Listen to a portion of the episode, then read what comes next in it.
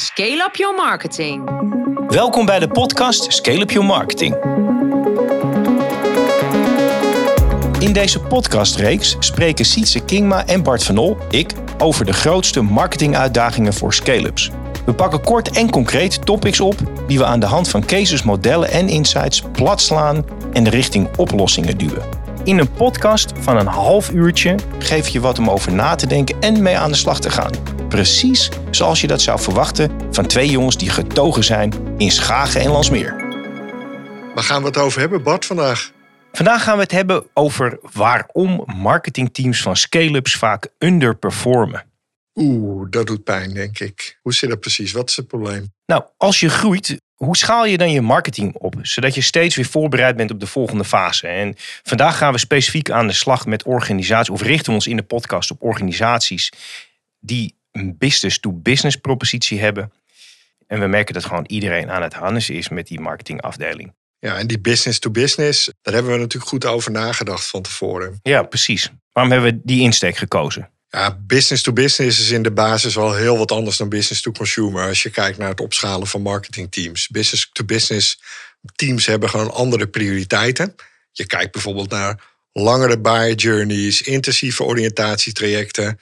Het gaat veel meer om het uitbouwen van relaties. Uh, zaken als account-based marketing spelen een grote rol in business-to-business. En dat vraagt toch echt wel wat anders van de mensen die je aanneemt in je team. Nou ja, helemaal eens. En business to consumer houdt eigenlijk dat marketingstuk bijna op al als de deal al binnen is. Dus dat is vaak een eh, webshop of uh, verkoop aan retailers. Maar bij B2B begint het hele sales traject vaak als die lead binnen is. Dus er zit ook een heel ander traject en veel meer keuzes en, nou, er zit veel meer organisatie ook achter. Zeker. Eén ding bijvoorbeeld uh, marketing automation. Dat vraagt echt hele specifieke aanpakken in business to business. Ehm, ja, dat kan je maar gaan organiseren. Zeker een uh, bijzonder vraagstuk. En wat al kijk je naar bedrijven bij jullie in de praktijk? Uh, heb je voorbeelden van bedrijven die echt goed een marketingteam hebben opgeschaald, die daar succesvol zijn? Ja, nou gelukkig uh, best een hoop. Uh, wat ik heel veel zie is dat uh, clubs, wat ik eigenlijk al in de intro een beetje aanstipte, is dat als ze beginnen te groeien, dus een beetje tussen de 20 en 70 medewerkers zo, dan zijn ze echt aan het kijken wat doen we met marketing, hoe belangrijk is het, wanneer nemen we mensen en, en teams, wanneer gaan we groeien en, en, hoe gaan we die opbouwen.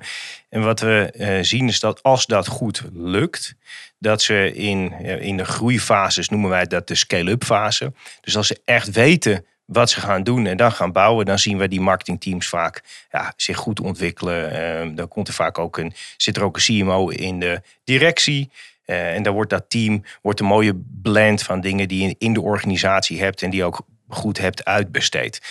De meeste uitdagingen zitten eigenlijk vaak in die fase daarvoor. Ja, en waar heb je dan over? Begin je dan echt vanaf 20 FTE of zo, dat dat goed georganiseerd moet worden? Of ja, dus nou ja, alles is natuurlijk een beetje uit de heup. Maar eigenlijk uh, merken we dat organisaties, als in een start-up, zijn ze heel erg aan het kijken, hebben bestaansrecht. Daarna zijn ze, uh, komen ze in de fase dat ze eigenlijk heel veel opportunity zien. Dan gaan ze allerlei kanten opschieten met product, met de marktstrategie.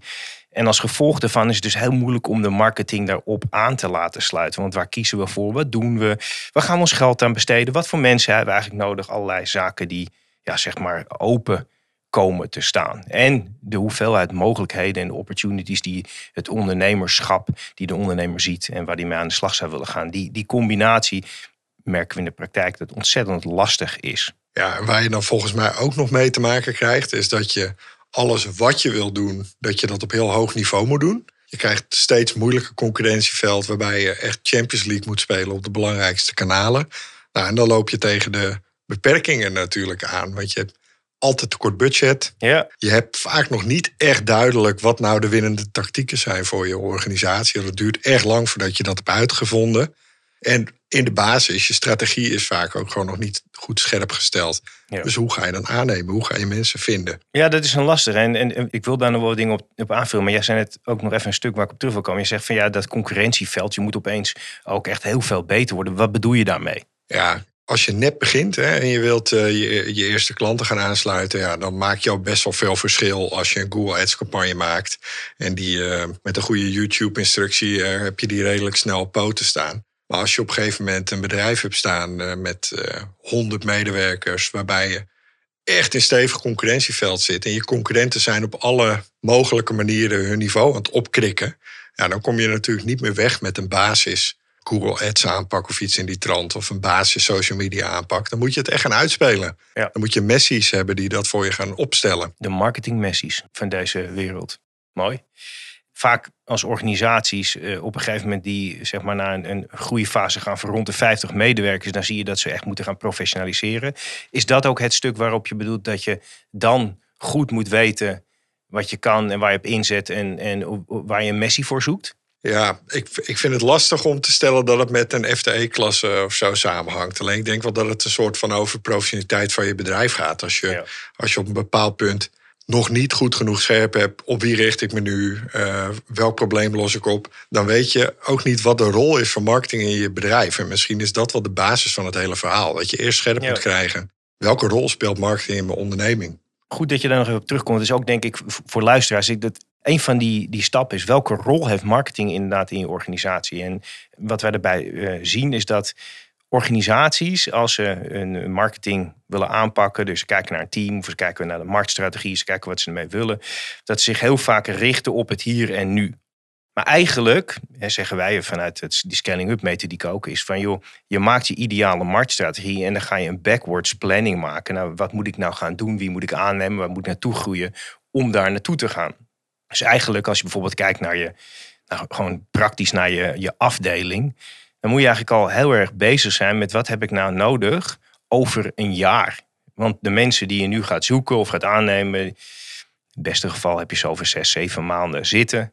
En als ze ingewerkt zijn, ben je negen maanden verder. Dus het is heel erg ook dat, waar willen we met onze marketing en de marketingafdeling naartoe? Ja, en dan kan je er volgens mij ook nog eens rekening mee houden dat het hele marketingspeelveld natuurlijk constant verandert. Zo'n eh, dingen als artificial intelligence, eh, bijvoorbeeld alle, alle wijzigingen in het social media landschap.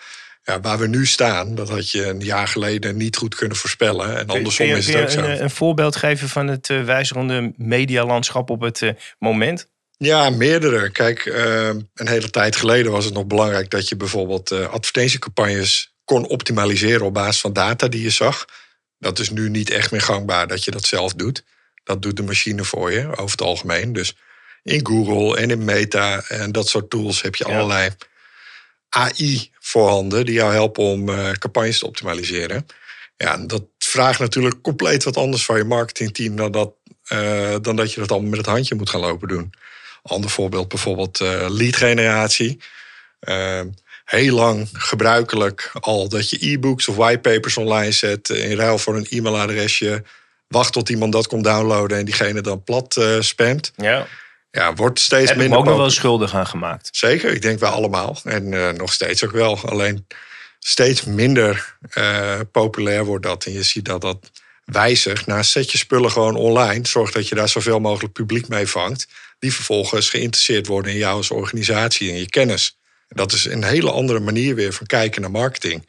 En dat had je natuurlijk een hele tijd geleden niet kunnen voorspellen. Dus het werkveld verandert zo snel dat het nog eens extra moeilijk is om op de toekomst aan te nemen en je organisatie in te richten. Als je ook kijkt naar de hoeveelheid functies die erbij gekomen zijn. Hè? Dus, dus een, een, marketingteam uh, bestaat natuurlijk vaak uit uh, een, iemand die zich bezighoudt misschien met branding, met performance marketing, e-mail marketing, content marketing, uh, growth hacking. misschien ook wel gewoon old school partnership deals, samenwerkingen wat je opzet. En je hebt natuurlijk ook gewoon nog iemand die strategie maakt en die met al die elementen meekijkt. En dat wil je allemaal in je afdeling uiteindelijk, of in ieder geval in je team, uiteindelijk in, in een meer of mindere mate hebben zitten. Ja, en dat kan natuurlijk niet allemaal tegelijk. Dus je hebt geen uh, onbeperkte zakken waarmee je in één keer zo'n team neerzet.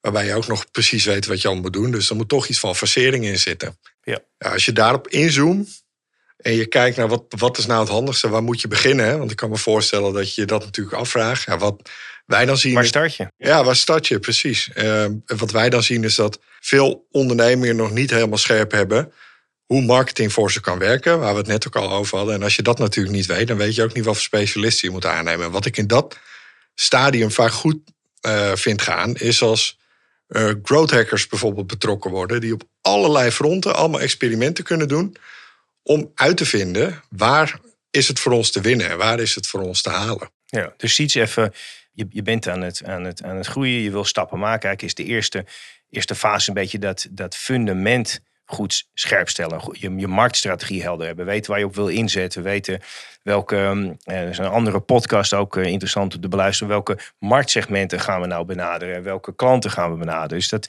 dat zit op dat fundament. Hoor. Die, die, dat, als, als je dat hebt, en dan ga je dus eigenlijk validaties doen. En dan, dan zeg jij in die fase 1, zorg dat je een goede growth hacker naar binnen haalt een growth hacker of een allround marketeer. In ieder geval iemand die echt voor jou gaat uitvinden wat werkt voor dit bedrijf. Puur met als reden dat je pas kan opschalen als je natuurlijk weet in welke hoeken dat uh, zou moeten gaan gebeuren. Ja.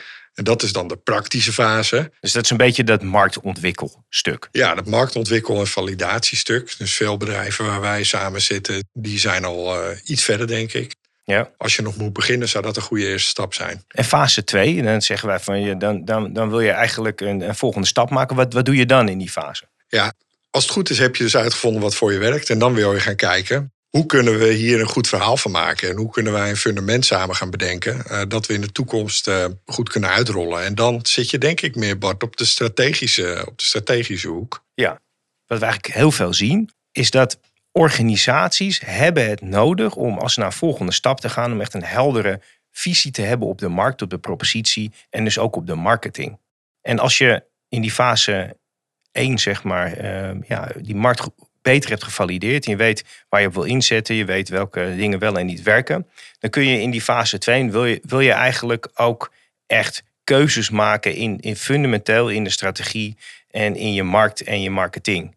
Dus hoe gaan we het team opbouwen? Wat gaan we intern en extern doen? Maar ook voor welke segmenten gaan we nou echt kiezen? Waar willen we supergoed in worden in marketing? En dus kijken of we die messie op kunnen aanhaken. Dat klinkt als uh, werk voor een CMO, denk ik. Ja, ja dus ik, het is, is misschien wat uh, zwaar uh, als je met 43 man zit. Klinkt het wat zwaar, maar het is wel iemand volgens mij die die echt voor de organisatie strategie moet kunnen maken, die weet, uh, verstand heeft van marketing uh, budgets, die ook die club naar volgende fase kan brengen. En wat ik veel in de praktijk zie, zeker ook met een paar partijen die ik op dit moment begeleid, is dat die ondernemer vanuit ondernemerschap een aantal fasen dat heel goed heeft mee kunnen trekken. Die weet goed wat hij wat hij wil. En op een gegeven moment ook klem kon zitten, waar moet ik nu voor kiezen? Wat zijn nu de stappen die ik wil nemen in de strategie?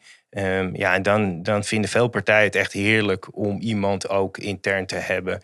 Uh, of misschien as a service voor een paar dagen. Maar in ieder geval iemand die met ze mee die volgende stappen kan vormgeven.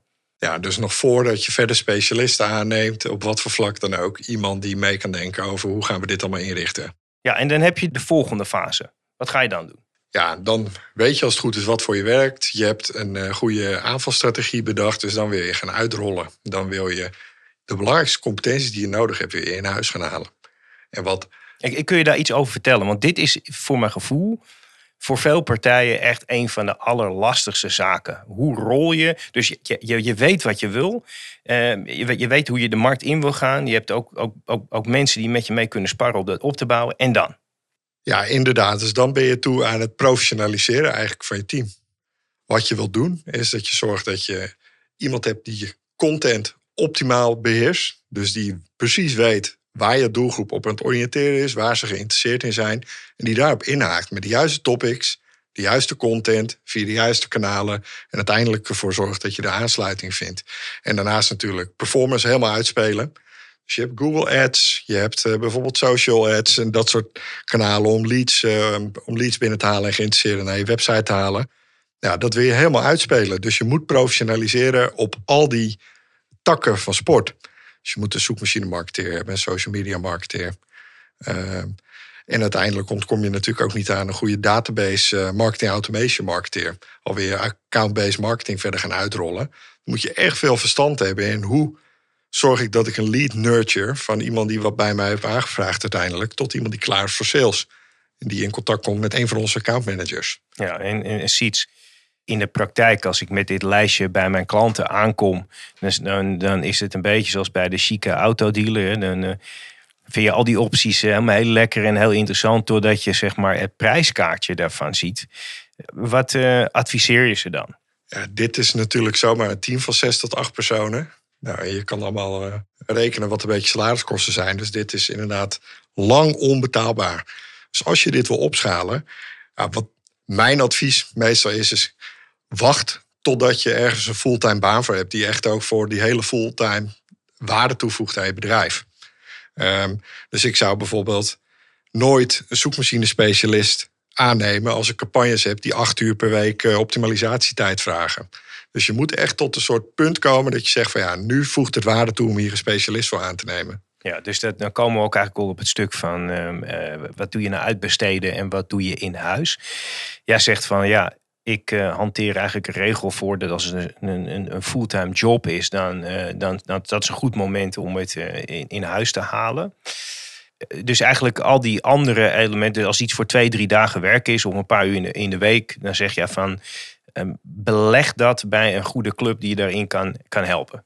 Ja, precies. Dat kan dus een goede reden zijn. En wat een andere reden is, bijvoorbeeld als iets echt een superspecialisme is.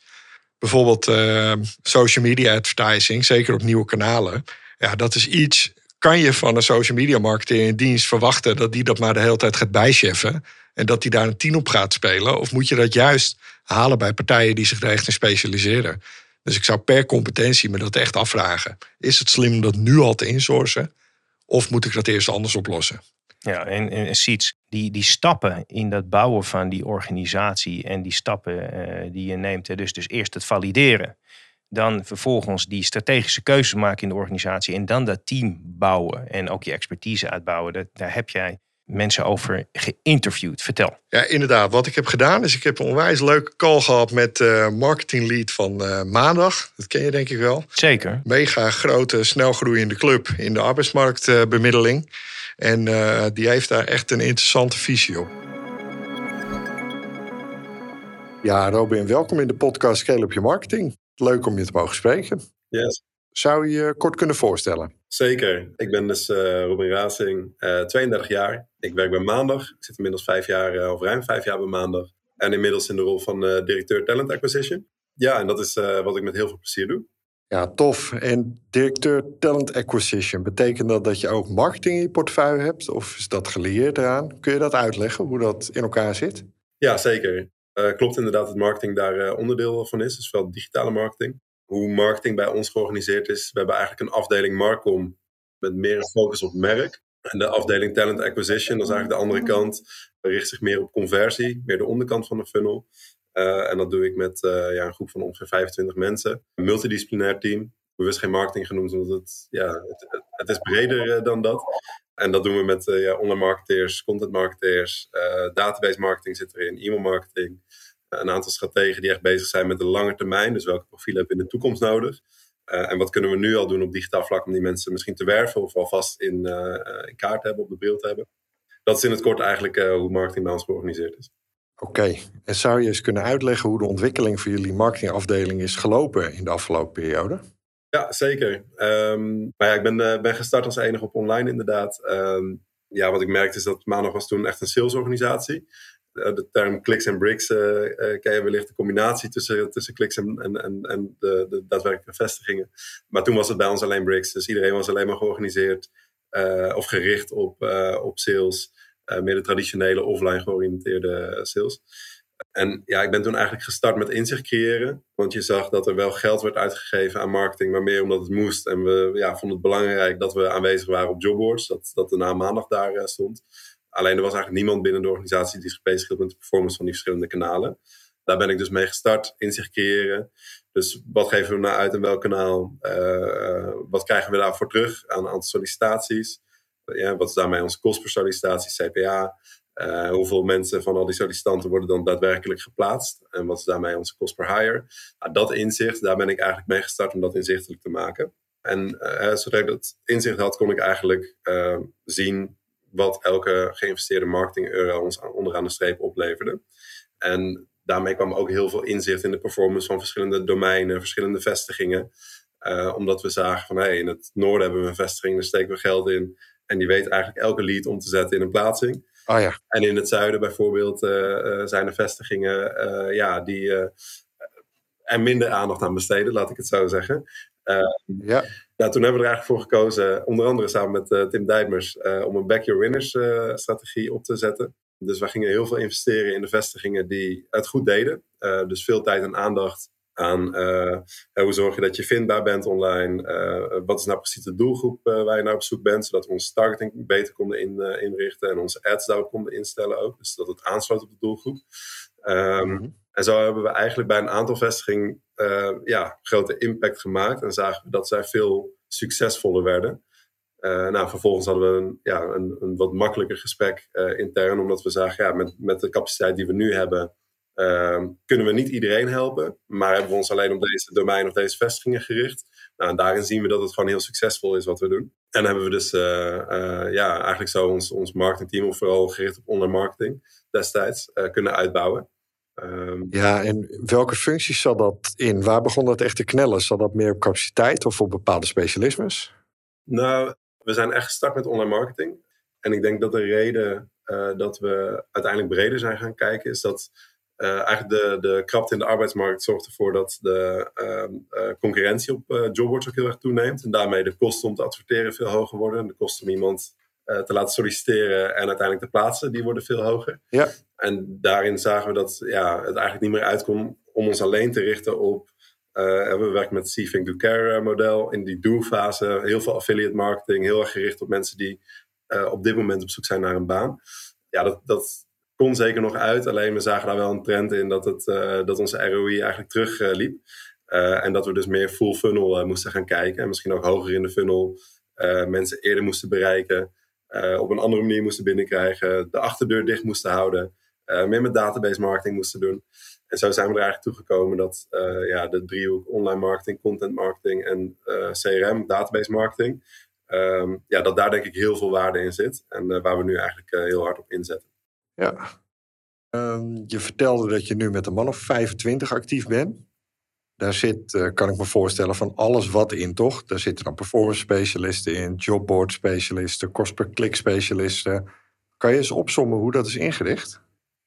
Ja, dat was een, uh, een goede discussie hoe we dat uh, gingen inrichten. Want je ziet vanuit welke invalshoek je het ook inricht, ergens doet het pijn. Dus als wij gaan inrichten op kanaal, dus dat we inderdaad een CA-specialist hebben, een CEO-specialist en misschien iemand op affiliate, ja. heel waardevol, maar dan missen we de binding met de vestigingen.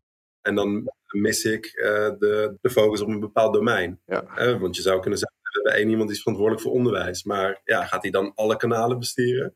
Ja, of dan zou je misschien zelfs een soort matrixorganisatie moeten hebben of zo. Precies, ja, en dat is een puzzel waar we eigenlijk constant uh, mee bezig zijn. Uh, op dit moment zijn we zo georganiseerd dat we onze uh, ondermarketeers eigenlijk door heel het land hebben zitten. Omdat we zien dat het echt succesvol is als iemand kort of dicht op het vuur zit. Ja. Want daar gebeurt het uiteindelijk. Dus de vraag en aanbod wordt op de vestiging op dit moment samengebracht door recruiters en accountmanagers. En je wil eigenlijk dat die ondermarketer heel goed weet wat daar speelt. Dus welke vraag is er in de markt? Uh, naar wat voor profiel hebben we op dit moment behoefte? Ja. Zodat je daar heel snel op kan schakelen qua campagnes. En we, hebben, uh, we zorgen er wel voor dat die ondermarketeers regelmatig samenkomen. In ieder geval één keer in de week fysiek. Ja. Um, en uh, een aantal ondermarketeers heeft ook een specialisme. En dat is een soort lead op SEA en een lead op jobboards en een lead op social. Die eigenlijk de rest gaat over alle ontwikkelingen binnen het vakgebied. Oh ja. Um, maar op dit moment voeren al die ondermarketeers dan zelf vervolgens de campagnes uit. Tof, ja. En als je met al jouw ervaring van de afgelopen jaren naar al die domeinen kijkt, komen er dan specifieke tips naar voren die je met ons gaan delen? Of voor luisteraars die misschien zelf bezig zijn met het opschalen van een afdeling? Ja, uh, wat ik zelf altijd heb gedaan is uh, ja, vastgehouden aan uh, structure follow strategy. Denk niet vanuit de mensen die er nu zitten en ga dat beter neerzetten. Maar denk gewoon echt vanuit je vakgebied. Waar gaat het vakgebied naartoe? Um, hè, wat zijn onze doelen daarop? En, en, met welke strategie gaan we die doelen uiteindelijk bereiken? En dan vervolgens de vraag, oké, wie hebben we daarvoor nodig? Dat zou er één zijn. En een andere zou zijn, wat, wat ons heel erg heeft geholpen, uh, is die back your winners uh, strategie die we hebben toegepast. Dus heel klein beginnen, uh, laten zien dat het daar werkt. het inzichtelijk maken voor de organisatie. Um, uh, ja, wat voor resultaat je daarmee haalt. En als dan vervolgens de vraag komt van... Hey, maar zou je dat ook binnen de andere domeinen willen gaan doen? Uh, ja, dat is goed, maar dat kan ik niet met dezelfde bezetting doen. Ja, dan kom je met de budgetvraag. Precies, ja. Ja, top Robin. Dankjewel. super mooi om zo te horen. En ook eh, ja, herkenbaar. Ja, ondanks dat het een grote club is, doorlopen ze toch een aantal processen die die kleine clubs ook doorlopen. En ook even gewoon heel praktisch branding. Wat doe je daarmee? Merk je dat dat een stuk achterloopt, dat je daar echt gewoon zeg maar, niet mee kan met waar je het wil hebben en wat je nodig hebt om je extern te positioneren? Wat doe je? En bedoel je dan branding in de zin van je positionering? Hoe verhoud ik me ten opzichte van andere partijen? Of bedoel je ook echt de uitwerking daarvan? Eigenlijk allebei, ja. ja. ja. Ik denk dat je best wel partijen hebt die groot genoeg zijn om zelf branding in huis te hebben. Omdat er gewoon ook constante doorvertaling is op campagneniveau die je elk kwartaal wil optimaliseren. Maar voor partijen die wij bedienen in onze sector, zeg maar tot, uh, tot 250 FTE om het heel breed te noemen. Ik denk dat je dat één keer goed wil neerzetten, daarop gaat varen met je team en dat je dat misschien wil revitalizen een jaar later of iets in die trant. Maar dat zou ik niet in huis halen.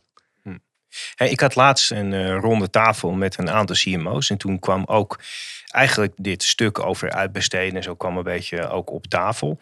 En toen zei een van die uh, sprekers aan die tafel, die zei van joh, als dat marketing element iets is wat echt de, de kern van onze strategie is om te groeien en om beter te worden, een van onze groeistrategieën zeg maar is, dan wil ik het per se in huis hebben.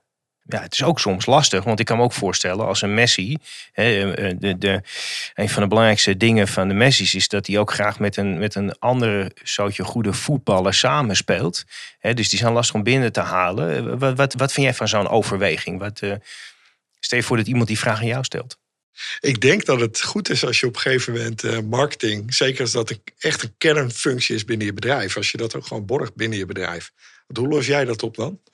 Is voor jullie ook van levensbelang, toch? Bij Scale-up Company, goede marketing. Ja, nee, absoluut met Company is ook natuurlijk uh, tafellaken servet. Hè. We zijn uh, met onze Scale-up Pro's bij elkaar zitten we met een, een kleine 50 man. En ehm, we hebben een goede CMO, vind ik, een goede marketeer die bij ons aanhaakt op ons MT. Die moet wel snappen waar we goed zijn en die moet inhoudelijk kunnen schakelen met op kwaliteit, met externe en met anderen. Om, om te zorgen dat, die, dat we die kennis en die kunnen wel in huis voldoende ontwikkelen en, en voldoende snappen. Als die geen gesprekspartner is van iets wat elementair is, dan zou ik dat irritant vinden. Ja, dat ben ik met je eens. Je moet naar een punt toe dat je dat intern goed gaat organiseren. En tot dat punt zou deze WC 1 zeggen: zorg dat je een soort van as-a-service oplossing vindt om gewoon de punten waar je tekort schiet, om dat goed te organiseren binnen je bedrijf. Ja.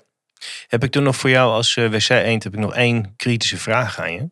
En dat is dat die, we noemen het CMO, maar, maar die persoon in de organisatie die voldoende vakkennis heeft van marketing om een marktstrategie te maken en om zeg maar goed mede te bepalen wat die organisatie moet doen om voor te blijven op concurrenten, door te ontwikkelen, et cetera, et cetera.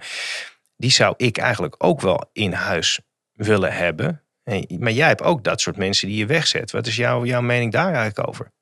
Ja, ik denk dat als je iemand zoekt die echt een goede sparringpartner is voor de onderneming, eigenlijk meer bijna een soort consultant, die gewoon één keer per zoveel tijd jouw spiegel voor gaat houden en jou gaat uitvragen en samen met jou gaat bepalen welke kant het op moet. Ik denk dat mensen die er heel goed in zijn, dat dat niet de mensen zijn die bij jou fulltime willen werken. Dus ik denk dat je dat soort kennis en dat soort competenties beter gewoon van buiten kan halen en af en toe kan inhuren. Hoe regel jij dat nu? Heb je nu een andere sparringpartner nog uh, betrokken? Of? Dat ga ik na deze aflevering ga ik daar meteen mee aan de slag. Op dit moment heb ik dat uh, niet. En ik denk dat ik het wel zou moeten hebben. Goeie.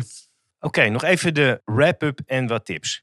Allereerst, marketing zonder een heldere strategie, een visie en een aantal keuzes in de diepte is echt heel erg lastig om dan je resources goed in te richten en je team er goed op aan te haken. Ja, kansloos zelfs, denk ik. Dus dat is een heel goed uh, punt. En wat, wat daarop helemaal op aansluit is, probeer zo snel mogelijk te snappen wat de rol van marketing voor je organisatie is. Dat is zo belangrijk. Je hebt gewoon een paar vaste stappen te zetten om dat te begrijpen.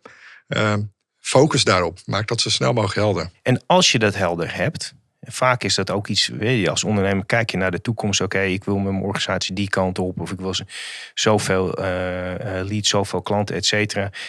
Maak dan een backwards planning vanuit die toekomst. Hoe dat team en hoe de structuur, misschien ook zelfs je budget, hoe dat eruit komt te zien. Want in de praktijk ben je altijd zeven, acht maanden met je bezetting na, uh, vanaf hier zeg maar effectief. Zeker. En als laatste punt zou ik willen toevoegen. Probeer helder te krijgen wat slim is om buiten de deur te beleggen en zelf te organiseren. Want te snel alles zelf regelen zonder dat je helemaal scherp hebt wat er moet gebeuren, is kansloos. En dan ga je heel veel salariskosten besteden aan dingen die er niet toe gaan doen. Wil ik er ook nog eentje doen? Zo'n gevleugelde uitspraak is first shoot bullets then cannons. Ga gewoon veel experimenten draaien. Ga gewoon veel kleine dingen eerst uittesten voordat je er echt een team en serieus budget op inzet. Mooi. Hartelijk dank voor het luisteren. Laat vooral een recensie achter en vergeet je niet te abonneren op onze podcast. Scale up your marketing. En hopelijk tot de volgende keer als wij het gaan hebben over het kiezen van de juiste producten en markten om je marketing op te gaan richten. Heel veel zin in. Ik zou er maar bij zijn. Dankjewel, Siets. En dankjewel Bart.